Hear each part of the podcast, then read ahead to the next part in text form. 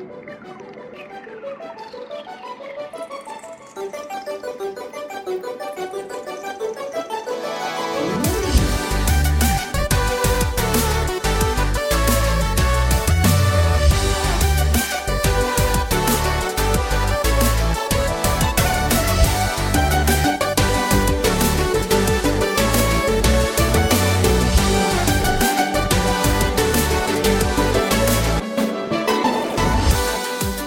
Ping-pong!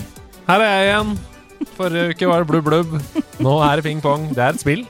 Uh, eller hva er ditt forhold til ping-pong?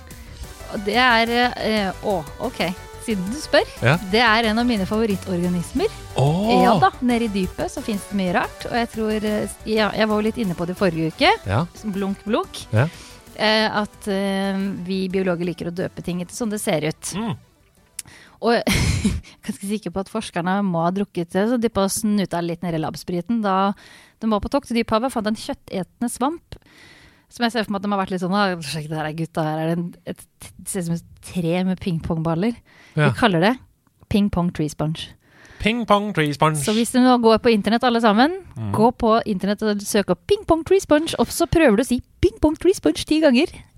Det går ikke an å være sur etterpå. Tenk at jeg traff så godt med den improviserte introen. Det kunne ikke vært bedre. Eh, fortsatt Pia V. Dalen, hei. Halla! Er det sånn man uttaler det? Pia V. Dalen? Eller er det Ja? Stemmer. Så jeg får høre alle variantene. Vedalen, Valen, Valen, Bindalen. Altså, Vei. Pia- Pia Vei, Vei. Ja. Way. Jeg har hørt veldig mye. En flybillett jeg fikk en gang, var Miss Andrea Headman.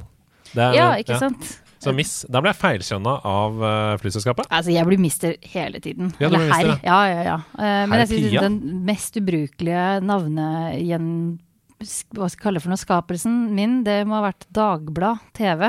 Ja. Som er sånn, Når Dagbladet TV ringer meg og spør om et eller annet biologigreier, som jeg skal ut i morgen, så klarer de da å skrive navnet mitt Pia W-E-E Dahl. Pia Wee Dahl! Det er Altså- Wolfgang Wee og deg. Jeg bare, hva faen? Altså, Det er ikke så jævla vanskelig. Nå ble det litt banning her nå, men jeg er fra Østfold. Ja. Det er lov. Alt er tillatt når du er fra Sarpsborg. Yes. Vi har ikke tenkt å snakke om banning eller etymologi i dag. Vi skal snakke om eh, skapninger Ja. som fins i spillverden, som er inspirert av eh, virkeligheten. Altså arter som ligner. Og det er jo ikke så ofte at vi har på en måte folk som er eksperter på noe her i Sidequest. Vi har gjerne spillentusiaster som eh, har lyst til å snakke om et spill eller fem spill du ikke kan gå glipp av, eller eh, spillkarakterer de vil stå fast i heisen eller sånn. Men noen ganger så kommer det noen eh, gjester. For jeg har jo en sånn liste med uh, samtalepunkter som jeg kan sende over, og der er det en sånn egen kategori. Hva har du lyst til å gjøre her? Noen ganger kommer det noen som har ekspertise på ett fagfelt. F.eks. Susanne Berge, som sa jeg har lyst til å snakke om crunch culture. For det har jeg skrevet mye om på min blogg eller i mine journalistiske endeavors. Uh, og du, Pia. Du er jo ekspert på mange ting, blant annet god stemning. Men, Med kjeften full av jordbær. ja, men også på uh, biologi. Ja, takk. Eh, og derfor så sa du, kan ikke vi snakke litt om skapninger i spill som også har eh, tilsvarende i virkeligheten? Ja, ting som ligner på andre ting, er min sånn uh, tittel der. Eh, og i både spill og Eller populærkultur generelt, da. Mm. For det er jo ikke bare spill, det er altså video eller film, bøker osv. også. Så, og jeg er jo veldig imponert over din struktur. Vi har sittet her i et eh, Google Sheets-dokument, det som er Google sin ekvivalent til Excel, og putta inn da popkulturell entitet, hvilket spill eller film, eller hvilken, eh, hvor det er fra, hvilken art som ligner, og litt sånn linker til evolusjon og biologi og sånn. Og fargekoda. Dette er nerdelandslaget. Definitivt. Dette, dette blir så nært som du får det, men med glimt i øyet samtidig. Jeg skammer meg ikke for Nei, å ikke. elske spreadsheets og fargekoder, og det er så viktig. Jeg blir så glad når du bare begynte å sortere uoppfordret i ting som er sånn Yes, å, dette her. Dette gleder hjertet mitt. Du er blant venner, og du er blant familie. Eh, vi begynner der vi slapp, vi, i Ja. forrige uke. Gjør vi ikke det? Jo, skal vi ikke det? Jeg syns Subnautica er et eh, Det er så ufattelig spennende spill fordi det er så mye gøyalt der. Så jeg skal ikke gå gjennom absolutt alle artene, men for eksempel, altså, jeg syns jo det er veldig morsomt å snakke om selvlysende ting. Ja. Fordi det er så utrolig mange greier der ute. Og du har jo blant annet det som kalles for Jelly Race og Ghost Leviathan, en sånn del sånne ting som ligner litt på Reaperen, og så ligner det litt kanskje på en skate. Så er det noe sånn Ja, jeg så Tomopteris med en gang. Har du sett den Kon-Tiki-filmen? Den norske? Ta opp Google-maskinen Ja. deres, alle sammen. Skriv inn Tom Opteris. Yes. T-O-M-O-P-T-E-R-I-S. E For det har jeg gjort. Og Mhm. jeg sitter med et bilde foran meg her. Wow, så fet! Men nei, jeg har ikke sett den norske Jo, det har jeg vel. Jeg har. Ja. sett den norske Kon-Tiki-filmen. Ja. Du vet når de er midt ute på havet der, og ting begynner å lyse i mørket. Mm. Der har de en tomopteris som svømmer under seg. Den er litt, det er noen kunstneriske friheter der med tanke på størrelsen. Ja, for den er mye større enn på bildet her. Ja. De kan bli relativt store i altså, Jeg tror den kan gå opp i nesten en halv meter, men den blir liksom ikke fem meter eller hvor mye det er de har på i Kon-Tiki. Eller ja, jeg husker ikke helt. Men, men den, den er en selvlysende og frittsvømmende børstemark som Ja. er helt nydelig. Uh, vi var jo litt Wow. inne på det forrige uke. Mhm. Blunk, blunk. I stad. Um, at det er noe sånt som ni av ti arter ute i havet kommuniserer ved hjelp av lys. Mm. Uh, Tomopterisen er jo veldig spesiell, for den er en av veldig få arter som kommuniserer med gult lys istedenfor blått uh, eller grønt, sånn som veldig mange andre arter har.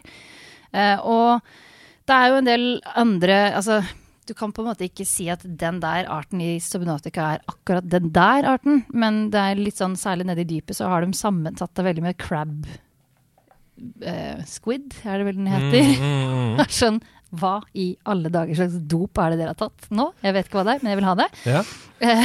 For det er liksom en, en slags Den er jo bare en sånn mash-up av krabbe og blekksprut og, og det som er. Um, men jeg, jeg har et par Vi kan begynne med det selvlysende, da, for jeg har en, en morsom anekdote. For du var jo litt inne på um, børstemark i rumpa i Mm. forrige episode. Før du forteller mer om børstemark i rumpa, som er åpenbart en cliffhanger som alle må få med seg, eh, så skal jeg bare si at vi skal ikke bare snakke om eh, Subnautica Nei. i denne episoden. Det er bare viktig at dere, dere som hører på nå, også Vi skal innom Pokémon, vi skal innom Jack and Daxter, Crash Manicut, eh, Starcraft, Last of Us. Så vi skal innom mange forskjellige temaer. Nå skal du få lov til å fortelle om børstemark i rumpa. Takk. kan ta børstemark i rumpa først. Da. Jeg har ikke noe sånn fins av struktur inni hodet mitt. Så dette blir veldig hopp hit og dit når jeg prater. Perfekt. Men i Subnautica så kommer du inn i noen grotter. I noen grottene så er det noen store, fantastiske, lysende, sopplignende saker. Ja. Så det bor en sånn slags um, oh, hva er det de heter for noe? Er det crab snake som svømmer inn og ut av disse her soppene? For de har et hull i midten. Ja, det har du også på lista her. Pearlfish, børstemark har du skrevet her. Fordi i virkeligheten så fins det da jeg, Det første jeg tenkte da jeg så det, det var pearlfish og hav... eh, Eller eh, sea cucumber, hva heter det på norsk? Sjøpølser. Sjøpølse. Yes. Mm. Fordi det finnes en liten fisk, altså denne pearlfishen, som bor inni rumpa på sjøpølser. What the fuck? Symbiotisk eh, forhold. Ja, der er det varmt og godt og eh, ja. trygt og Yes, Så perlefisken får jo da en ja, beskyttelse, sikkert litt næring, sånn noe, og som han godeste. Frank så fint kaller det i True Facts About. Sjøpølsa får en fisk i rumpa. Vinn-vinn. Ja. Det er jo ingen som kan virke noe bedre enn det. Da blir det pølse i rumpe. Uh... Gud, jeg skammer meg. Den tok i hvert fall et sekund før jeg tok. Nei, men det er jo helt utrolig! Må Altså, denne episoden bli X-rated nå? nei da, vi bare setter sånn liten R. Nei, E explicit. Eh, Win-win, ikke sant? Sjøpølse, pearlfish, ja. Men Ja. hva er det fordi det er trygt der inne? Hvorfor syns uh, sjøpølse at det er greit? Det er jo åpenbart eh, overstepping av boundaries her. Altså grense... Ja, hvorfor ikke, tenker jeg. Altså, Nei, det- Nei det fins jo Nei, for det fins jo små fisk som bor inni uh, manetens uh, tråder osv. Så, videre. så det er Ja. Det er, uh, så veldig mange, Når du sier symbiose, så tenker de fleste på at det her er en sånn vinn-vinn, nå skal vi gjøre noe sammen. Sånn som en lav, for eksempel. Da. Ja. Lav er en symbiose mellom sopp og alge. Som Ja. ingen av dem hadde klart seg uten den andre. Ja. Tropiske koraller, det er en korall som har da, eller en polypdyr som har en alge inni seg. De dør uten hverandre. Men symbiose er egentlig bare en fellesbetegnelse på samliv, eller ja, ikke nødvendigvis bare interaksjon. Og der har du mutualisme, som er det som egentlig er den derre vi klarer oss ikke uten hverandre. Mm. Så har du parasittisme, som jo de fleste vet hva er. Ja, det er flott på rådyr. Det er liksom. flott på rådyr. Helvetes, ja. ja. Den ene vinner på det, den andre taper på det, men dør ikke. Mm. Um, og så har du noe som kalles for kommensalisme. Og Ja. der vinner den ene på det, den andre driter. Den bryr seg ikke. Okay. Så for eksempel, det finnes en, del, en type rur som vokser på um, knølhval. Mm. Ruren får jo da oppleve verden, fange mat på alle mulige rare steder. Knølhvalen ser bare kul ut, Den ser veldig kul ut. med rør, rur på. Yes, Kulete Nei. Ja, det, ser, det ser bare ut som en sånn vis skapning. Ja. Jeg er så vis og gammel og stor at det til og med vokser rur på meg. Ikke sant? Så rolig tar jeg det at Ja. Men jeg syns jo det er noe urovekkende med å ikke bry seg om ting man har i rumpa. Det syns jeg. ja. ja. Det kommer jo an på ditt forhold til rumpeting Eller Nei. Dette kan du godt klippe bort. Vi klipper ingenting! Eh, nei, men så bra. Eh, Det jeg egentlig skulle si om Subnautica før vi gir oss, er sånn, det er det her med selvlysenhet. For det syns jeg er så fascinerende konsept i utgangspunktet. For der er det veldig mye ting som lyser i mørket der nede. mm, Um, og i virkeligheten også. Så du ser dem, de bruker noe av det sånn som dyrelivet bruker det ellers også. Og så bruker de noe av det på en litt sånn tweaky måte. mm. Um, men i, i dyreriket, alle har sett Oppdrag Nemo, du vet den fisken som lokker til seg mat ved hjelp av en sånn lyspære i panna. Noen bruker det til å fange eh, Eller altså da rett og slett bruker det som lanterner under vann for å finne mat. Mm. Og så har du et par jævlig kule konsepter som jeg så litt av også da i Subnautica, og som jeg har sett et par andre steder. Blant annet så lurer jeg litt på om vi kan liksom dra en liten kobling til Predator her nå. Ja. For um, man bruker to, de, de to feteste lysmekanismene, da, bortsett fra liksom fange mat, finne make og sånt noe, det er, handler om å skremme bort ting som har lyst til å spise. Er, Ja, enten så lager du det lightshowet Um, for å Enten så skremmer du bort det som har lyst til å spise deg, eller som de aller fleste faktisk gjør. De bruker det som innbruddstyvalarm. Og det syns Å, jeg er så fuckings mind-blowing. De Wow. lyser da opp til liksom 300 meter unna og sier ifra at her er det noe som har lyst til å spise meg. ja. Du som er større, kan ikke du komme og spise den? Spise den, ja. Ja, Wow. Det er jo det Morild driver med, f.eks. Det er jo snubletråd utafor, og så skrur lyset seg på. Ja. Wow. Boom! Der var du! Da kommer denne bjørnen som du må poppe på nesen og Ja. melke. Ja, men, ja, det snakka Bjørnemelk. Jeg vet ikke hvor det kom fra. Nei, men ja, Det er jo helt rått. Det er kjemperått. Og den andre, og det er der vi kan dra den parallellen til Predator hvis man tar i veldig kreativt, det er noe som kalles for counterluminescence, eller da lyskamuflasje. Ja. Og det høres jo litt kontraintuitivt ut at du bruker lys for å kamuflere deg, Ja, men, men det er dyra Hæ? Men, nei, men i liksom andres lys så høres det ikke så dumt ut. Ditt eget. Ja. Ja, og da er det liksom Når det lyser, så lyser du liksom. Her er jeg. Ja. Eh, det dyra gjør, er altså, vet De fleste har sikkert aldri tenkt over at mm, ja, fisk um, Store delfiner, Spekkhoggere, f.eks. Pingviner. Veldig mange akvatiske dyr. Eh, jeg håper alle fikk med seg at den satt fisk, komma spekkhogger nå. Jeg Ja, sier ikke at spekkhogger eller pingvin er fisk. Nei, nei. Har lys underside og smart eller mørk rygg. Det Mm. har de fordi de da, hvis du svømmer rundt i vannet, så vil en sel som ser deg underfra, se en hvit buk mot en hvit himmel. Mens en fugl ovenfra vil se en mørk rygg mot en mørk bakgrunn. Altså Ja. bunn. Ja, Når du kommer nedover i dypet, så ser du bare gråtoner. Ok. Du ser ikke lys, du ser ikke fargenyanser, ingenting. Du ser bare omriss. Wow. Og der kommer sånn som den kompisen vår, den selvlysende haien, som Ja. finnes i Norge, inn med at den tar inn nøyaktig hvor mye lys som kommer inn ovenifra. Så tweaker den det med lanternene på magen, sånn at den visker ut konturene av seg selv. Oi. Og det er bare så sjukt. Wow, det er jo helt ball... Men det, Det da. Det man gjør da, det er å utnytte på en måte eh, svakhetene i andres syn, da. Rett og slett. Ikke sant? Fordi her skaper jeg et uh, noe som gjør at jeg på en måte kommer i blindsona di. Ja. Det er jo helt utrolig. Det er helt vilt, og da fins det selvfølgelig noen arter som har gått rundt det. Som jeg ikke har klart å finne paralleller til i popkulturen ennå, men jeg tar den med likevel, og den heter uh, barrel eye fish. Ja. Vi kaller den geléhodefisk på norsk. Oh, ja. Makropinna et eller annet. Den har da en rekekabaret på hodet og to gigantiske øyer som da kan skjelne mellom si, naturlig lys og dyreskapt lys. Da. Så det er ah, Helt utrolig.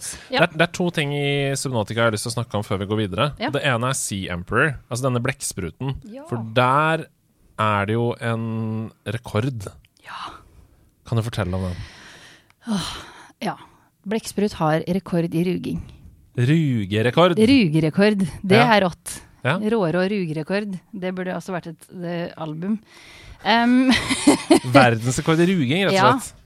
den, em, nå spoiler vi kanskje litt, men jeg regner med at alle som hørte forrige episode om Subnotica nå har spilt seg gjennom spillet og fått med seg hvordan den slutter. Og det som ender opp der, er jo at du har en Sea Emperor, en gigantisk blekksprutlignende sak, som da kan snakke med deg. Som har masse små egg. Og så er det jo litt sånn der long stretch, da, men jeg syns jo det var så utrolig fascinerende med denne rugingen. Og da hadde jeg lyst til å snakke om dyphavsblekkspruten eh, Granelidone Boreo Pacifica. Ja. Som har da verdensrekorden i ruging. Og nå vet jeg ikke om det står her, men eh, du kan jo prøve å gjette. da, altså En vanlig blekksprut oppe i overflaten koker på egga sine i ja, et par måneder. ja. Ja, mellom to til kanskje fem. Ikke sant. Så kan du få prøve å gjette. Nede i dypet så går ting litt saktere. Mm. Hva tror du rekorden er? Det er jo fristende å dra på litt, men det er ikke så gøy heller. Jeg tenker sånn, Hvis man hvis skal, først skal ha verdensrekord, så må man tenke litt på andre ruging, rugere. Uh, ja. jeg tipper 18 måneder. Du må up, up that game. Oi! 60 måneder. Oi, shit, nå må jeg begynne å regne på ting her. Det er, det er fem år. Ja, der er du ikke så langt unna. Nei? Fire år og fem måneder. What?! Skjønner Helt du? sykt! Det er helt vilt. Men da har du jo gått hele barnehagen før du kommer ut av egget. Ja. Det er så vilt. Men hva, hva er det som skjer inni egget, liksom? Altså, eller Nei, der er det noen eh, dovendyr som beveger seg veldig sakte. Nei, men der nede er det kaldt, og Ja ting går fryktelig fryktelig seint. Altså, den samme utviklingen du får her oppe i overflata, den får du der nede bare fryktelig sakte. Tenk på er cellene veldig- bare. Ja, det går så treigt. Og det er utrolig fascinerende, for man har sett noen sånne wow. blekkspruthager, Mm. som de kaller det. Den samme arten, eller samme gruppa, da, som, hvor det går mye kjappere fordi de ligger i nærheten av sånne skorsteinsystemer hvor det er mye varme som kommer ned fra, eller ut fra jordas indre. Mm. Så da går det mye kjappere. Nå skal jeg hoste litt. Det var nydelig, det. Det var et godt host. Det var i verdensrekord i godt host. det er deg og blekkspruten. Ja, Dere har hver deres verdensrekord. Ja, faen, jeg må jo bare si det også, sånn apropos blekksprut og verdensrekorder. Og jeg vet ikke om det her Jo, verdensrekorden i å leve i kjipt forhold Nei, ikke ett kjipt forhold, men kjipe forhold er Ja. en fantastisk blekksprut som heter uh, vampyrblekkspruten. Vampyrotusis infernalis på latin betyr direkte oversatt vampyrblekkspruten fra helvete. Uff da. Den er nydelig, skikkelig sånn dyprød, har selvlysende prikker på tuppen av hver uh, tentakkel. Den bor, eller arm da, den bor nede i det vi kaller for the oxygen minimum layer, hvor det er kjempelite oksygen. Hvor det er ingen andre dyr som egentlig syns det er noe fett å være. Og den squirter selvlysende blekk. Wow! Ja. Tidenes partytriks. ja, fy fader. Da blir det rave Da hver blir det rave. under overflaten. Knekk den lightsticken. Oh Nei, men det er én ting til, nemlig, som jeg Ja. hadde lyst til å ta opp. Og det er jo denne uh, stalkeren, altså gavialen. Fordi Ja. du har skrevet i notatene her at det er et trist, men viktig tema. Uh, at den leker med søppel. Mm. Kan du snakke litt om det opp mot hvorfor delfiner og hvaler spiser så mye plast og sånn? Ja, grunnen til at jeg kom på Det er liksom en dobbelt For jeg har også skrevet en kommentar her at den svømmer som et marint pattedyr. Og det Ja. er en sånn ting som eh, Du var jo litt inne på det, at du får kommentarer på du som kan film. Syns Ja. vel kanskje ikke det er noe gøy å se på film. Og sånn er det litt med folk som kan biologi og fysikk. Og at når du ser en del filmer, så blir det litt sånn Faen, jeg. Det der stemmer ikke overens med virkeligheten, og så videre. Mm, mm, mm. Eh, og så er det på den andre siden sånn Å, her ser jeg hva dere har gjort. Og så syns den der er litt interessant, fordi fisk, som de fleste tenker på fisk, den svømmer med sånne fram og tilbake sidelengsbevegelser. Om, liksom, hvis du tar hånda di og vipper den sånn at tommelen går oppover og lillefingeren går nedover, og så svømmer den fram og tilbake, det er fisk. Hvis du tilter hånda di 90 grader og ruller av gårde, Mm. det er et pattedyr. Å ja, ikke sant? Ja, Istedenfor denne Ja. ja. hvis du begynner å tenke på den, så haien svømmer sidelengs fram og Mm. tilbake, mens en delfin vil vugge seg opp og ned og opp og ned, Sånn jukker seg framover. Nå gjør vi det alle sånn. disse bevegelsene i studio her. Jeg prøver med hodet å være en fra side til side, og så opp og ned. Men det er mer sånn snake. Det ser ut som break-a-move. Det derre du, du, er, Ja, er, litt sånn larve. Larvete, ja. Ja. Ja. Og det er grunnen til det er jo at fisk er jo Det starta ut i sjøen, ikke sant. Og så Ja. klatra fisken opp på land. Og det vil du også se på amfibier, som var det første trinnet. ikke sant? Den går sidelengs, og så går det over til reptiler som går sidelengs. Etter hvert så flytta reptilene beina inn under kroppen. Mm. Og begynte å bevege seg sånn som hester og hunder gjør. Og etter hvert så begynte de å løpe. En sånn Ja. galopperende rullende bevegelse. Mm. Og så galopperte de ut i vannet, og da fortsatte den rullende bevegelsen videre. Og der har du da de marine pattedyra, måten de svømmer på. For marine pattedyr stammer jo da fra landlevende pattedyr. Mm. Og det som er så spennende her, er jo at alle fiskene svømmer, altså fiskere bortsett fra gavialen. Basically, eller de svømmer jeg- litt sånn randomly, da, for den svømmer som et marint pattedyr. Ok, Ja, så den har liksom halen som den slår opp og ned i stedet for side til side. ikke sant. Jeg skjønner. Um, og så, for det var en av dem som jeg satt og kikka litt på liksom Lauren til, da, hva er greia med stalkerne. Hvorfor, for de, de driver jo og leker veldig fælt med scrap metal som du får fra liksom, vrak og sånt nå. Uh, fordi de liker shiny things. Mm. På godt og vondt. Og det fikk meg til å tenke litt på du, Man leser jo veldig ofte om delfiner og hvaler som reker i land og er fylt med søppel osv. Eh, vi hadde jo en nå, Sotrahvalen i 2017 som måtte avlives med 30 poser plast i magen. Og en av grunnene til det er dels fordi de leker med ting der ute, men også fordi de ikke ser forskjell på blekksprut og plastposer, f.eks. Ikke sant. Vi har jo hender, tomler, som kan pelle på ting, og vi kan snuse på ting og så slikke litt på det og så kaste det bort igjen fordi det er giftig og sånn. Mm. Veldig mange av de marine artene kan jo ikke det. Delfiner har jo ikke den muligheten. De må på en måte smake på ting. Det er jo derfor haier også tar noen jafs av oss innimellom. For de er litt sånn 'Hva er du for noe, da?' Å ja, der. Ja ja, det var leit.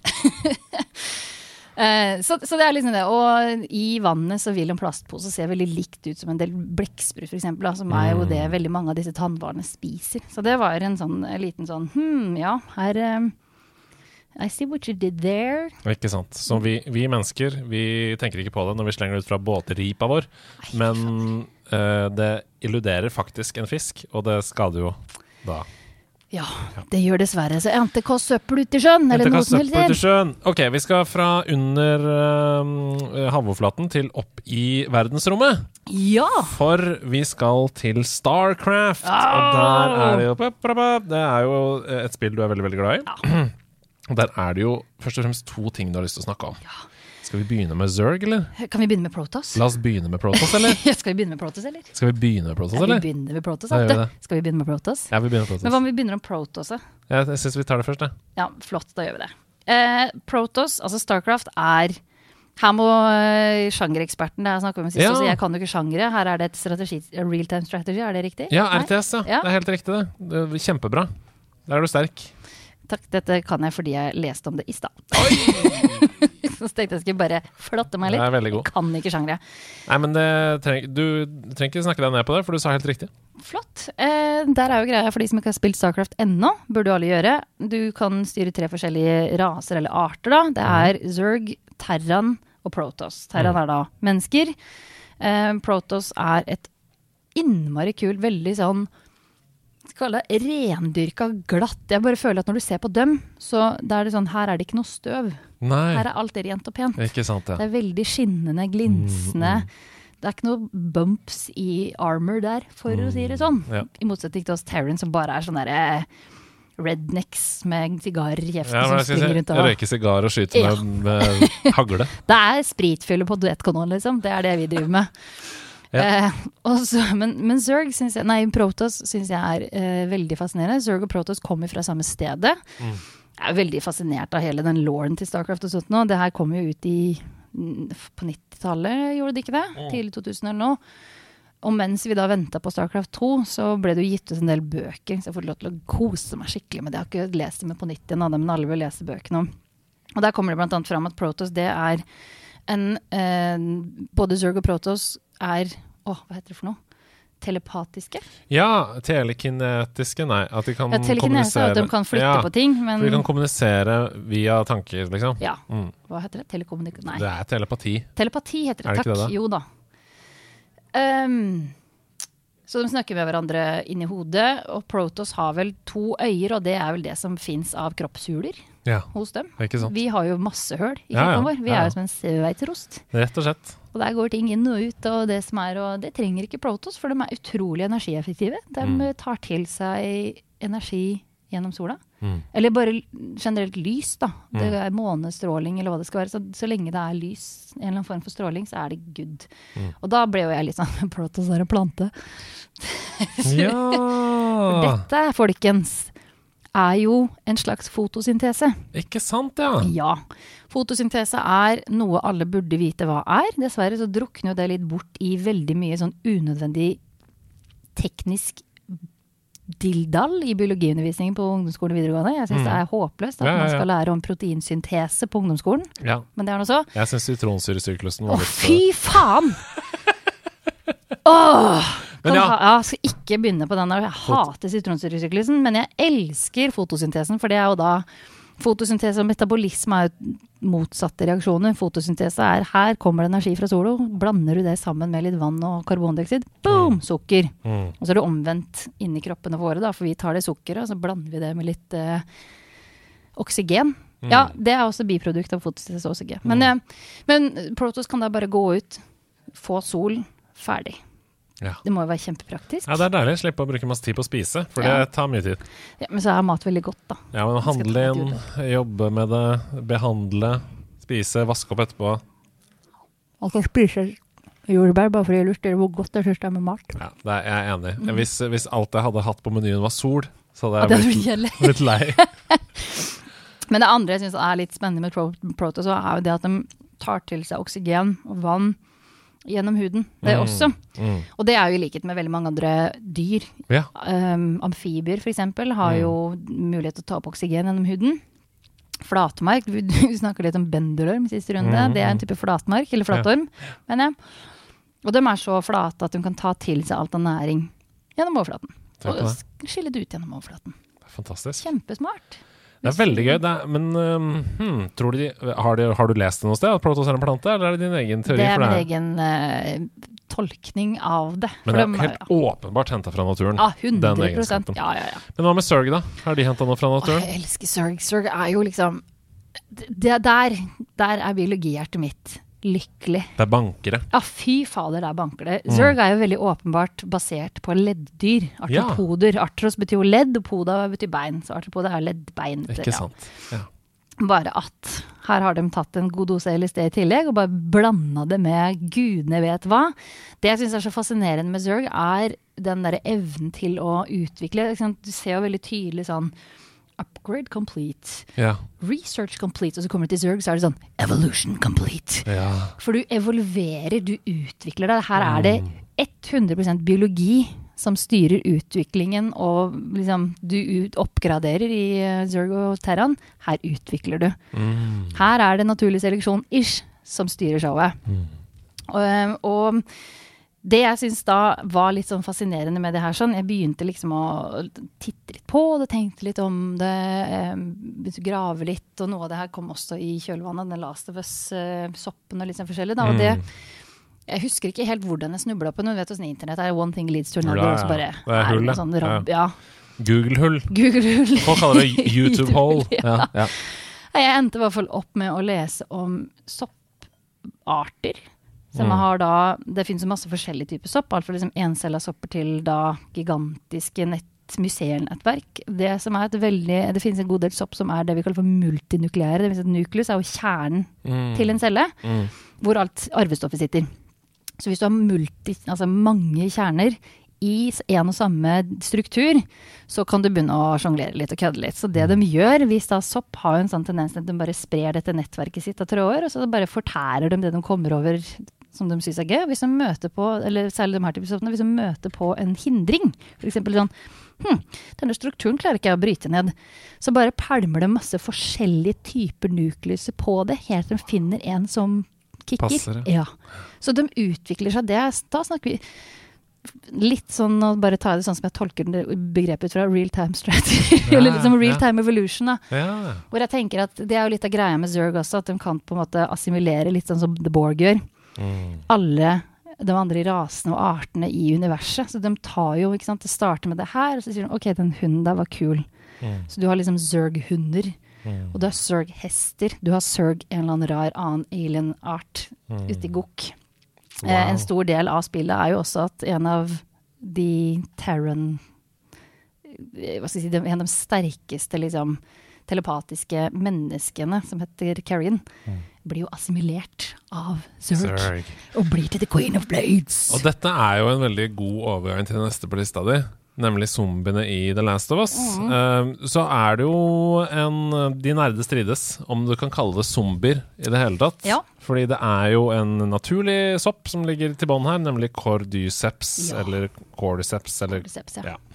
Ehm, hva vil du snakke om der? Hei, her tenkte jeg kanskje jeg skulle kaste ballen litt tilbake til deg, for nå kommer Ja. det en liten sånn ehm, banning i kjerka sikkert, men jeg har ikke spilt spillet, Nei. Eller spilla, ennå. Jeg har dem på tapetet. Mm. Akkurat jeg, bare sommertid er utetid for min del. Ja, ja, ja. ja, ja. Og nå driver jeg og lærer meg å løfte stiger. Jeg håper å kjede livet av meg med å springe rundt der og løfte på den jævla stigene. Det, blir Men eh, det blir bedre. ja, jeg har skjønt det. Jeg får bare ta det til høsten igjen. Ja. Når jeg skal barrikadere Perfekt høstspill. Å, Ja. det er perfekt. Det er helt riktig årstid. Ja. Men ja, eh, altså cordyceps, du du kjenner jo til den soppen. Ja, det jeg skulle si er at det jeg har å si om det her, sånn, det er ting jeg har som jeg kunne fra før om cordyceps. Jeg har til og med Ja. funnet cordyceps i norsk natur selv, på feltkurs. Det var helt fantastisk. Jeg underviser jo på Universitetet i Bergen en del år. Ja. Eh, både med da i anatomi, komparativ anatomi, og ute i zoologi. Så vi var ute i felt en del etter å ha vært på laben og skåret i ting, da. På maur, eller? Mye maurskjæring, ja. Ja. Vi satt og kutta på beina til maur. Ja, Findissekerte maur. Nei, nei, nei, men den cordycepsen, den fant jeg en bille. Okay, ja. Ja. Så da var vi ute i felt eh, og undersøkte eller liksom, Vi hadde studentene ut for å lære artsgjenkjenning og biodiversitet. Uh, så husker jeg ikke hvem, det var ikke meg, det var en av studentene som fant ut sånn, hva er det her for noe rart. Da Da var det en bille hvor det stakk cordyceps ut. Og det, det, jeg, tror, jeg tror jeg skre, jeg har skreket på meg uh, stemmeløshet i felt to ganger. Den ene gang var da, og den andre var da jeg fant en gigantisk børstemark inni en boks. Um, det var så stas. Så Ja. vi løp bare rundt. Følte liksom at det var en sånn Du vet, når du er fem år og har funnet en spurv, Ja. og så løper du hjem med en sånn andakt bare 'Mamma, se jeg har funnet!' Sånn var det bare. Herregud! Så vi løper rundt med denne her med sånn derre på gullstol. Men Eh, levde den? Altså oppførte den seg Nei. Nei. Det greia med cordyceps ute i naturen, det er at det er en sopp som infiserer kroppen til et eller annet dyr. De er jo artsspesifikke. Så det Mm. finnes én art med maur som får denne arten cordyceps. En art med sommerfugl som får denne arten. Ikke sant? Mm. Um, så tar den over. Får den infiserte verten til å gjerne klatre opp et litt høyt sted. Og de er jo glad i å eksplodere i nærheten av kolonier og litt sånn forskjellig. Da. Så her er litt sånn, nå skal jeg være litt forsiktig med hva jeg sier. Men det som skjer da, at eh, si du, har infisert en maur, som er gjerne et typisk eksempelet. Mm. Hvis du søker opp cordyceps på nett, så vil du gjerne se noen videoer av maur. Klatrer opp en liten pinne, biter seg fast og dauer Mm. så begynner cordycepsen å vokse. For da har den tatt liksom, virkelig rot, bruker næringen inni i mauren til å vokse som en sånn lang pølse. Litt sånn som vi ser sopp, Mm. Og så eksploderer toppen, og da Altså er det masse sporer, Yes. sporer utover Ja. som sprer seg. Ja. Så det, det handler om å eh, gi seg selv best utgangspunkt for videreformasjon. Da. Ja, rett og slett. det er det det handler om. Så I The Last of Us så setter jo cordyceps seg på the brainstem, altså i hjernen. Uh, går nedover i nervesystemet og kontrollerer da menneskene til å gjøre som den vil. Mm. Uh, og det handler om å formere seg, åpenbart, men i mye lenger tenkt grad, da. Fordi Ja. mennesker har jo mer ressurser enn en maur. Så her tenker man jo sånn, istedenfor å klatre opp i en flaggstang og eksplodere på en flaggstang, så kan jeg heller benytte meg av et nettverk og spise meg inn i flere mennesker også, ikke sant. Fordi vi, har jo, vi er jo um, i mye større grad, sånn som vi snakker med flått, Ja. har mye større grad til å hekte oss på andre, ikke sant. Å- ja. Ja. Så det er det som skjer i The Last of Us. Um, spoiler! ja, jeg sa det tar- etter at man hadde Men du møter jo på en del av disse i både eh, spill nummer én, eh, i Left Behind og i spill nummer to. ja. Så ja. For det, det som jeg har forstått med der, er jo at det nødvendigvis ikke er at de, de har klikka helt. Og det er jo litt interessant. Jeg leste en artikkel av, hvor de hadde intervjua han biologen som var med som ja. veileder og på en måte en sånn konsulent, fagkonsulent Mm, mm. på det her, og annet eh, World War Z. ja. Og han har et veldig godt poeng der han skriver at veldig mange zombiefilmer og spill, sånn som ja, Resident Evil, da, så dytter jo zombiene hverandre ut av veien for å bite deg, liksom. Og det er jo ikke egentlig sånn Hvis jeg biter deg, og du blir zombie, så er du en zombie med samme genetiske materiale som meg, fordi Mm. den parasitten eller den virus eller hva det skulle vært jeg hadde gitt deg, den er jo en del av meg, ikke sant? Og det er jo Ja. sånn kolonidyr funker, og sopp og bakterier og sånt, at her må vi samarbeide. Mm. Og det var veldig godt eh, inne på at her er det, sånn som World War Z, da, så har du den der infamøse scenen hvor de bare slenger seg inntil den muren, og så begynner de å klatre på hverandre, for de samarbeider om å ta deg, liksom. ja. Det som er litt interessant, er jeg leste en sak om den cordycepsen. Tror det var den, eller så kan det ha vært en annen parasitt som går på en del sånne dyr, at den tar ikke hjernen. Og jeg vet ikke om det har vært et poeng i Last of Us også, at den ikke over nødvendigvis tar over hjernen, den tar bare over kroppen. Ja. Og får kroppen til å gjøre ting. Så du sitter litt som en sånn Sorry, nå var jeg veldig ute på tur Ja, her. side, du sitter som en sånn blindpassasjer? Ja, rett og slett. At du er fanga i din egen kropp, eh, nesten. Fordi de hadde gjort en del undersøkelser på infiserte, særlig insekter og edderkopper og sånn, da. Og så så de at det var ingen spor av det nervenettverket til denne museet sånt nå, Mm. i hjernen. Nei. Det er bare kroppen. For det er, hjernen trengs jo egentlig ikke når du kan styre kroppen uansett. Det er jo hjernen som styrer kroppen. Mm. Når du kan være hjernen, trenger du ikke det, liksom. Ja, Det må være så jævlig. Heavy spoiler alert for The Last of Us part 1, altså det første spillet. Heavy, heavy, heavy spoiler alert. Hvis du ikke har lyst til å høre det, så ikke her. Kanskje Men- jeg ikke bør høre det selv. Jo da, Jo da. Fordi uh, et av poengene her i The Last of Us part 1 er jo at Ellie uh, er immun. Ja. Sånn som Alice. Uh, ja, og grunnen til at hun er immun, en av grunnene til det er fordi infeksjonen sitter i hjernen hennes. Oh. Eh, så det er litt interessant at du nevnte dette her. Men jeg skal Ja. ikke si noe mer enn det. Nei. Du må jo oppleve dette selv. Åh, shit, det her er så fascinerende. Det er så utrolig mange gøyale parasitter der ute som tar over kropper og hjerner. Og jeg hadde jo med meg den parasittiske ruren inni en Mm. krabbe da jeg var her som gjest en Ja, gang. ja, helt fantastisk. Vilt kult. La oss hoppe ned til um, en annen science fiction. Jeg syns det er fint å gå til liksom Predator og den bolken der, jeg nå. Ja, Er ikke det litt gøy? Ja? jeg syns det er veldig gøy. Jeg Elsker hele det universet der. Du sa noe før vi starta her, og det var Independence Day. Som Ja. vi ble enige om at er Pensum. eh, pensum. Ja. Hvis du ikke har sett Independence Day, så må du Skjerp se. Independence Day. Skjerp deg. Ja. Lytter. Independence Day og Jurassic Park. Ja, viktig. Det må ses. La oss begynne på Independence Day. Big Ja. Fin Squid. Det er noe alle må søke opp. Big Fin Squid. Eh, Magna Pinna et eller annet. Eh, det er et klipp, det aller første klippet, tror jeg, av den. Ja. Det ser ut som noe sånn Blair Witch Project-klipp. Det er noe av det mest eerie og nifse greiene jeg har vært borti. Eh, men da jeg så det, så tenkte jeg sånn Her! Det her må jo ha vært inspirasjonen til aliensene i Independence Day. Det er jo helt eh, det er åpenbart for meg. Ja, Og det, helt, helt like. Det ser så sjukt ut. Ja. Jeg blir helt eh, Jeg blir redd. Ja. Mm. Jeg skal innrømme at jeg um, Det er ikke en av de artene som jeg tror jeg hadde syntes det vært dritfett å møte på når det er så nå rumler magen min her. Og når det er helt mørkt, altså sånn Pekmørkt, og så får du den rett i fjeset. Fjeset, ja. Boom! Her har du en, bare en sånn dings som ligger Ja. og bare duver. Vil ikke ha det. Jeg regner med alle nå sitter og ser på Big Fin Squid-videoer, men for dem som ikke gjør det, fordi du f.eks. er ute og kjører bil og ikke kan sitte på te telefonen din, så kan jeg jo forklare den som at den er, altså alienene i Independence Day har jo masse tentakler som vi virvler rundt når de kommer ut av disse Mm. eh, Podsene, eller- suitene sine. Ja. Um, og så har de også sånne store liksom, seil, om man kan kalle det sånne finnelignende saker på hodet, som Mm. også da Big Fin og en del blekkspruter har. Altså Tiarma blekksprut typisk da har en sånn ja, to Ja, vi kaller det finner, som er på hver side av hodet, eller kroppen, eller ja, det er sånn mantelen. Mm. Um, og, den, og den derre Ja, d d bare, bare se på det, dere skjønner hva jeg mener når dere ser det. Fra en alien til en annen. Uh, I Aliens. Ja, Aliens i Aliens. Fronima har du skrevet her. Ja. Fronima. Det er en eh, myte at den har vært Det har vært en sånn derre Hva skal man kalle det? En uh, urban legend? Nei, P-H-R-O-N-I-M-A. ja, den er ikke ekkel, den er bare Det ser ut som lus og flott og alt, og er gjennomsiktig, og kommer ut av ekle ting. Det som er det beste med den der, er jo at man har jo Det er veldig mange som mener på at det åpenbart har vært eh, inspirasjon til aliens. Mm. Det har det ikke. Nei, Men jeg velger å tro at det har det allikevel. Okay. Ja, fordi at det gjør verden så mye bedre hvis jeg kan velge å tro at sånn er det. Eh, Så jeg lager min egen konspirasjonsteori. eller holder meg til den.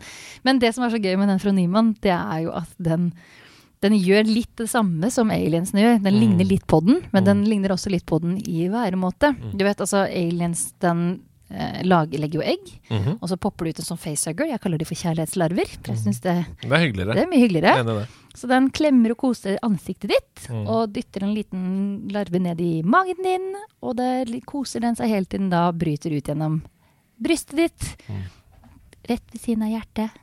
Kjærleik som, som den er. Mm. Og så blir det en ny alien, eh, og du dauer. Ja. Det Fronima gjør når den skal legge egg, det er å en av få krepsdyr, det her er jo et krepsdyr, Um, som faktisk ruger og tar vare på barna sine. Mm. For vanligvis ruger de dem fram, og så bare slipper de noe løs. Her har de et lite sånn nursery selv etter at de har klekt. Og det den gjør for å finne den nursery, det er å finne en manet. Mm. Og så sier den sånn, deg vil jeg ha. Så bare spiser den opp deler, noen ganger også hele, det levende delen av maneten. Eller store deler av det levende maneten. Så det bare blir et sånn skall igjen. Mm. Og så bruker han det som sånn nursery. Så du liksom vokser opp i liket av en Ja. En slags manetlikvugge. ja. Er ikke det koselig? Jo da. Og når du er stor nok, da kan du bryte ut av brystet på manetlikvugga di. Og så kan du gjøre det vakreste to fronymer kan gjøre med hverandre, og binde syklusen på nytt igjen. Deilig. Eh, vi går til Roger i American Dad. Har du sett American Dad? Ja. Ja. Eh, og han er jo en alien, men eh, har jo åpenbart eh, karaktertrekk fra det andre aliens vi har snakka om allerede. Mhm. Hva, Glass Squid har du skrevet her. Ja, jeg har ikke lagt inn noen link der, for det har jeg glemt. Men Mm. Glass Squid har For det første så finnes det et bilde av en Glassquid som ser veldig ut som Roger. Jeg skal se om hvis jeg går inn på det store internettet nå og søker Mm. det opp. Roger Jeg gjør det samtidig sjøl, jeg. Roger Glass Squid. Jeg sa Glass Quid fordi det mangla en S Oi. i oversikten her. Men jeg, Sorry. ja, der ja! Ikke sant? Roger Glass Squid. Ja, det ligner jo veldig. Ja, jeg syns det. Og så er det også et uh, lite klipp.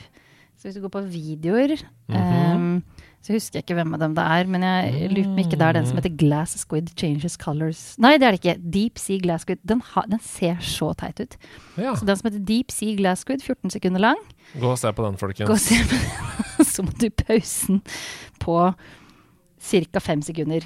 Ja, For for da da er det Der har du Roger.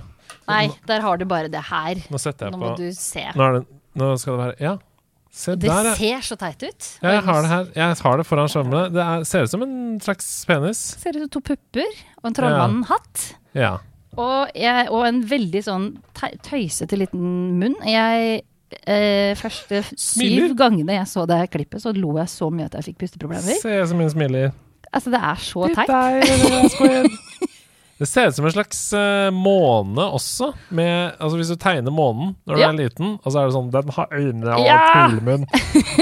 eh, veldig gøy. Jeg bare synes det klippet der som de to der Det her er liksom Zina-puppene. Ja, Med de øya der, da. jeg er enig. Uh, Eh, Armor-BH. Yes, rett og slett. Og så har du den teite lille trollmannhatten og det Ja. dustete smilefjeset, liksom. det er En drøm. Teit. Det er fantastisk. Um, ja, ble inspirasjon. Det er så gøy at du sitter, du sitter på et slags sånn derre, um, ja, kartotek av sånn Det er så gøy når du ser det, så ser du andre ting. Jeg syns det er så gøy. Ja, Um, ja, det er jo en glede eh, og en eh, forbannelse innimellom. It's a curse! A blessing and a curse. Ja. Alle landlevende bevegelige dyr har du snakket om i neste kategori her. Så, så nå skal vi snakke i 19 timer om alle land, Nå skal du høre. Det var, ja. Og så er det Avatar som er filmen. Hva er det du tenker der? Avatar er Der kjente jeg at jeg ble ordentlig glad. Da Ja. jeg så alle disse landlevende dyra og tenkte at her har vår gode venn Gud bedre, hva heter han for noe? Ah, hva heter han som har laga Avatar, da? Å ja, James Cameron. Der, takk. Um, Mister Marianegrop sjøl. Yes. Ja. Eh, lite sidespor der, sånn. Rykte på gata her, og nok en gang, det her er en sånn fakta som jeg bare har hørt og nekter å faktasjekke, men rykte på gata skal ha det til at han lagde Titanic kun for at noen skulle gi inn penger til å kjøre ubåt. Ah, Jeg velger å tro på det. Jeg er helt enig. Ja. Men der er det utrolig gøy, for jeg ser på det og tenker sånn Her har Cameron og gjengen som har skrevet manus og lagd liksom, designet på nå, gjort evolusjonsleksa si. Ja. Fordi vi mennesker stammer jo fra fisk. Mhm. Alle tetrapoder, altså firbeinte dyr, mennesker Vi er jo pattedyr, ikke sant? Mm. Fugler er tetrapoder. Vi bare, de Vi kom opp av havet, alle Ikke sammen. sant? Mm. Vi har hatt fire bein. Vi har to bakbein og to forbein. Mm. Og så fugler så har de blitt vinger osv. Sånn nå. Fordi vi kommer fra fisk, og hvor mange par av finner har fisk? Jo, de har fire. De har to Mm. brystfinner og to bukfinner. Det kunne like greit vært seks. Eller åtte. Mm. Eller ti. Er Eller så rart om alle mennesker hadde hatt fem bein. Eller seks bein da, og to armer, f.eks. Her var det en vits om noen peniser som det det var, kunne kommet frem. Men det droppet forbi. jeg å ta, for jeg Ja. er bedre enn som så. Det er du. Ja. Men jeg var veldig morsom, da. Nei, men altså, Hvis du ser på Avatar, så vil du se at alle dyra på land der har tre par bein. Ja. To par forlemmer og ett par baklemmer. Mm, Alle mm. unntatt da Da er det landlevende det, Jeg har vel også skrevet uh, gangedyr, eller jeg vet ikke. Ja, ja, ja. ja. Em, fordi bansheesene, de som flyr, Mm. de ser ikke sånn ut. Og så har jeg ikke sett Hav- Havatar, som jeg kaller den, den Mm. nyeste ennå. Ja. Så det ikke si noe der. Men det synes jeg var Jeg ble så glad da jeg så det, for det her er bare sånn Her har du faktisk tatt en gjennomgang, så her ser du alle dyra her kommer fra samme felles liksom, Ja. opphavet.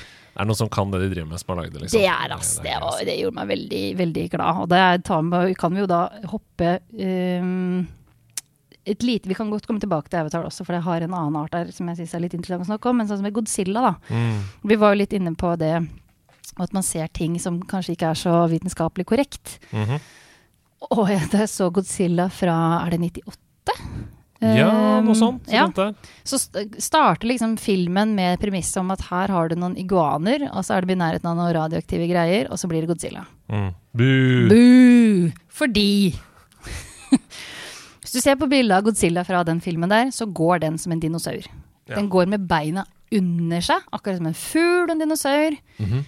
Mens en iguan, det er en øgle. Ja. Øgler, sånn som eh, krokodiller, går med beina ut til Ja, siden. På sida. Ja. Her er det et- ikke bare liksom Her har du bare hoppa og bytta helt reptilgruppe også, og da Og kjente jeg på Og det får ikke radioaktivitet til. Nei, det får ikke radioaktivitet til på. Nå må du skjerpe deg! Det er veldig lite vitenskapelig korrekt. Og så er det masse gøyale dokumentarer ut om fysikken og fysiologien til en Godzilla. Og kunne den blitt så stor? Men det skal vi ikke gå inn på nå, for det tar for lang tid.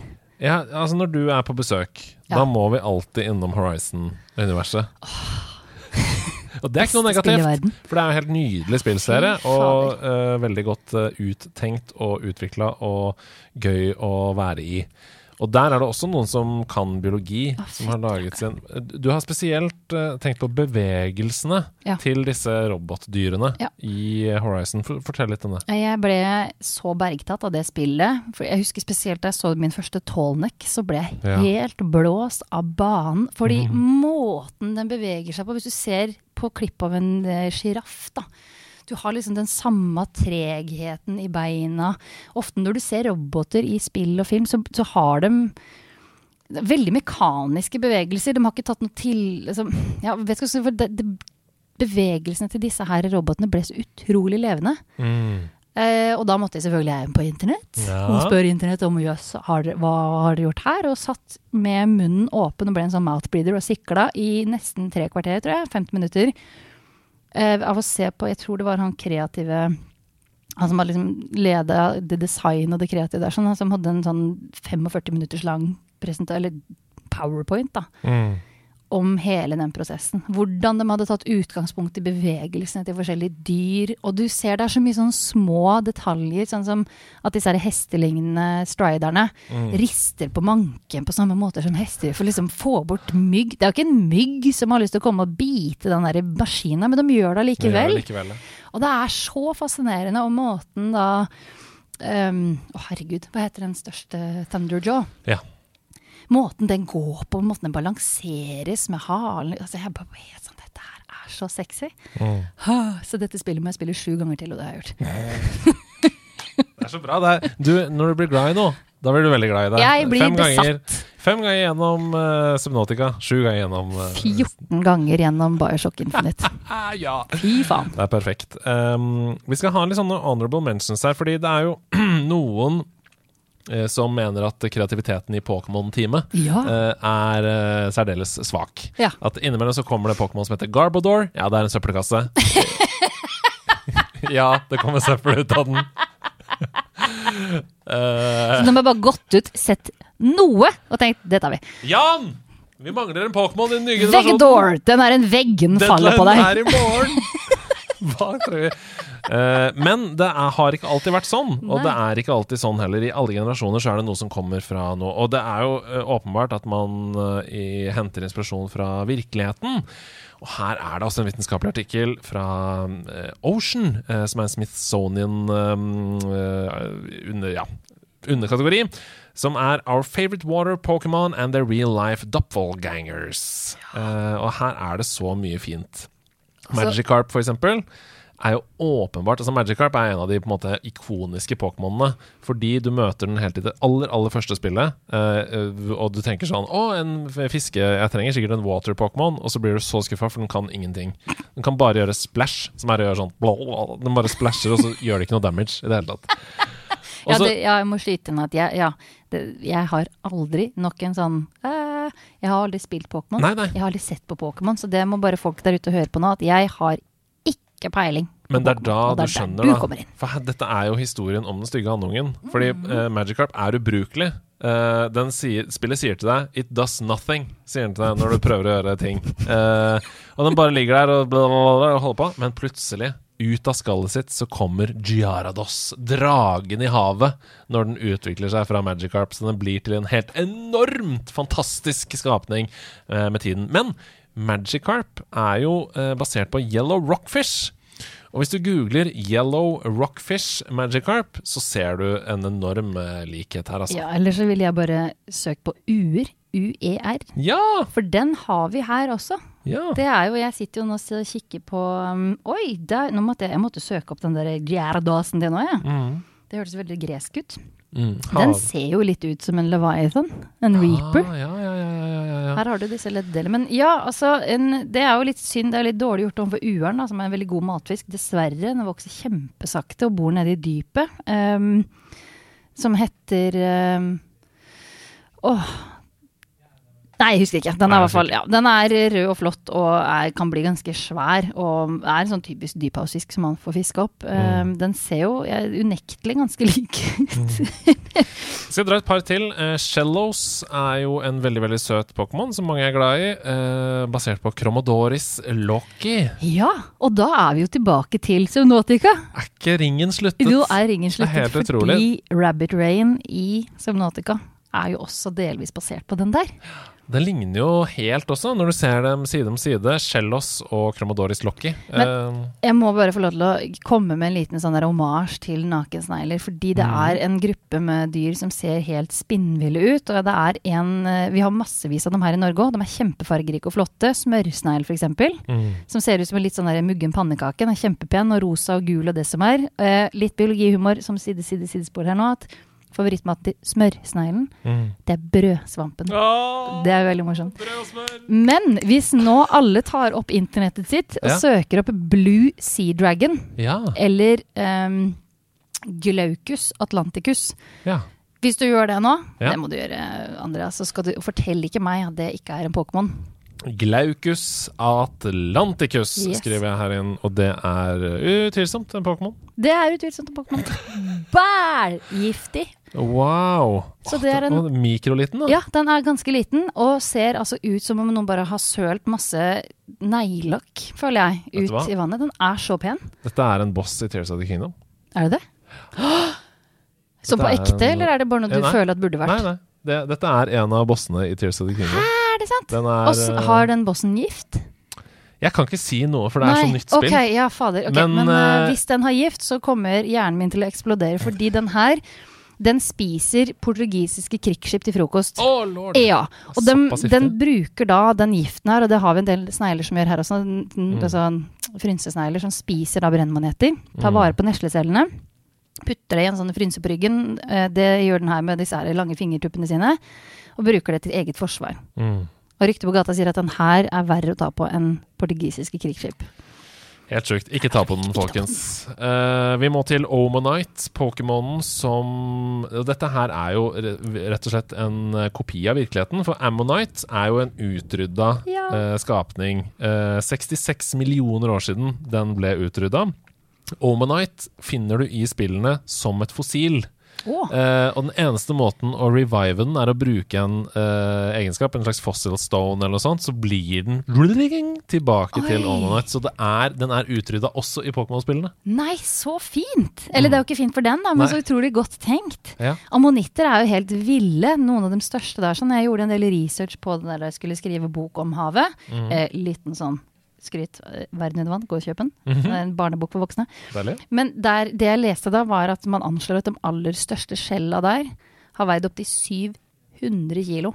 Wow. Det er så svært, det. Tenk det. At du svømmer rundt og aner fred og fare, så dukker det opp en sånn kladd som det der i trynet ditt. Bare yo! Nå prøvde jeg å være veldig kul og hipp og ung. Det fikk jeg ikke. Nei takk. Det er veldig du, Altså, om du Jeg sa ikke nei takk til at du var kul og hipp ung for det er du definitivt. Du Men nei takk til å få den opp. i fjeset. Eh, Jeg drar på på slutten her med et par eh, andre eksempler. Vi har jo Daxter, som er fra Jack and Daxter. Yeah. eh, som i Lauren til Jack and Daxter beskrives som en Atzel. Og en Atzel det er en blanding av en oter og en weasel. Altså yeah. en oter og en røyskatt, da. Eh, det er rett og slett uh, Daxter. Så det er veldig sånn Noen ganger så får man det på quiz, f.eks. Hva slags dyr er en Daxter Ja. uh, i spillquiz? Nå må dere alltid huske det for noe. Ja, det må man. Faen, jeg skal på spillquiz her i forrige uke, skal vi ikke det? Det er hver måned. Så Ja, det er det, ja. det er hver måned, så det kan hende at det kommer i fremtiden. Ja, jeg skal jo låne kona til Andreas i morgen og være med på quiz. Da Ja, håper det jeg vi får det spørsmålet. Det det er jo, jeg, jeg må bare si, syns den der lista du sendte meg med de, Unnskyld, nå snakka jeg jo Jeg bare blir så Ja, det er deilig. Um, for det, det er jo utrolig mange kule, sånn som Gorbis, da, som er long nose chimera. Det Ja, er chimera. Ja. Ja, uh, chimera er jo en type bruskfisk, så den er i kjempefamilie med haier og skater og sånt. Og vi har en chimera-type her også, mm. som heter havmus, som alle bør søke opp. Um, og så syns jeg vi bare avslutningsvis skal Den Huntail, er det det den aller første her? Mm. Um, Orfish, eller da sildekonge på norsk, er den Mm. visstnok basert på. Og jeg syns alle igjen bør gå på internett og søke opp sildekonge. Uh, den heter Regaleus glesne på latin. Glesne fra glesvær på Vestlandet. Ja, gamle glessvær. Gamle glesvær er vel ute på Sotra. Mm. Jeg vet ikke hvorfor jeg ble sørlending da jeg skulle si det, men det er noe så. Ja. Eh, fordi det er der den ble identifisert, eller da beskrevet for første gang. Mm. Så det, vi, er, vi er litt Pokémon. Så hvis du er spesielt glad i Huntail Det er jo alle, alle har jo sin favoritt-Pokémon. Jeg er Mm. sikker på at det er noen der ute som er, elsker Huntail. Uh, da vet dere det, da, folkens. Dere kan få en slags real, real life Huntail Ja, her i eget land på, lengste fisk. på sommerferie. Og så må vi ta med eh, helt til slutt uh, det dyret som var et av de dyrene jeg fikk mest eh, forhold til i oppveksten, og som er veldig spesielt med tanke på at jeg aldri i verden hadde vært i Australia, og heller ikke kom til uh, Sannsynligvis ikke kommer til å dra dit i løpet av livet. Ja, men det må jeg være så ærlig å si. Og det er altså Crash Bandicoot, som er en bandicoot. Hadde ikke hørt om det dyret engang. Bandicoot. Hva er det, liksom? Det er uh, en, en bitte liten medium-sized, uh, rotteaktig eh, Ja, Dings. dings. Ja. Ligner på en blanding av Har du sett det derre verdens søteste smiledyr? Å herregud, kåka. Å herre min hatt, de er så søte. Hvis dere- Der har du lyst til å bare sprenge. Hvis dere ikke har sett uh, Guaca Kuoka QUA. QUO, faktisk. Å ja, unnskyld. QUOKKA. Hvis dere ikke har sett det, vær så snill å google det nå med en gang.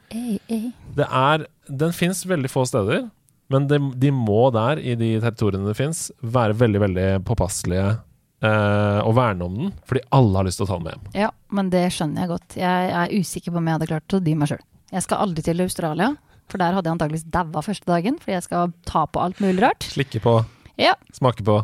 Smake på, pelle på. Uh, Daua jo nesten første dag jeg var i felt på Hawaii, fordi jeg fant en veldig fin snegle som viste seg å være bælgift. Så det var jo kjempekjekt. Og så tok jeg på en kråkebolle og hadde lilla gu stikkende ut av fingrene etterpå. Det var stas. Sånn kan det gå. Eh, til alle som har hørt på denne podkasten. Jeg har én til, sorry. Jeg bare kom på nå som men avslutningsvis, fordi Ja. det snart Er er tid for jul. det snart har vært jul. Ja. I Avatar, når um, Rugsoli løper gjennom skauen og slår Ja. på trær som forsvinner ned, det er basert på nok en børstemark som heter Christmas Tree Worm. Den må alle folk se for. Den så jeg masse ned på Hawaii da jeg bodde der. Kjempepen. Ikke så stor, Wow. men den er akkurat samme greia. Så, sorry, tilbake. Ingen skal noen gang få si til deg, du som hører på, spillinteressert, gamer, det du er, at du ikke kan lære noe av å game. At du ikke kan få mer tettere forhold til naturen ved å sitte inne foran TV-en. Ikke sant. jeg venter bare på 2000 meldinger. Og så, men du tok ikke med der. Jeg vet at det er fryktelig mye mer. Det er veldig mye mer, men vi har ikke mulighet til å dekke Nei. mer enn en time i disse sidequestene våre. Altså. Har vi gått en time Eh, ja, allerede? allerede en time oh, her også. Så jeg håper at dere har kosa dere. Og det, som dere skjønner, vi kan lage ti til episoder av dette. Eh, det er jo en utømmelig kilde til kunnskap på andre siden av bordet her, som sitter sammen med meg. Tusen- Tu tusen takk for at du har hørt på. Tusen takk for at du har vært her, Pia. Jo, takk for at jeg får lov til å komme. Kom igjen og igjen og igjen. Altså, det er ikke lov å si, men greit. God helg! Ha det!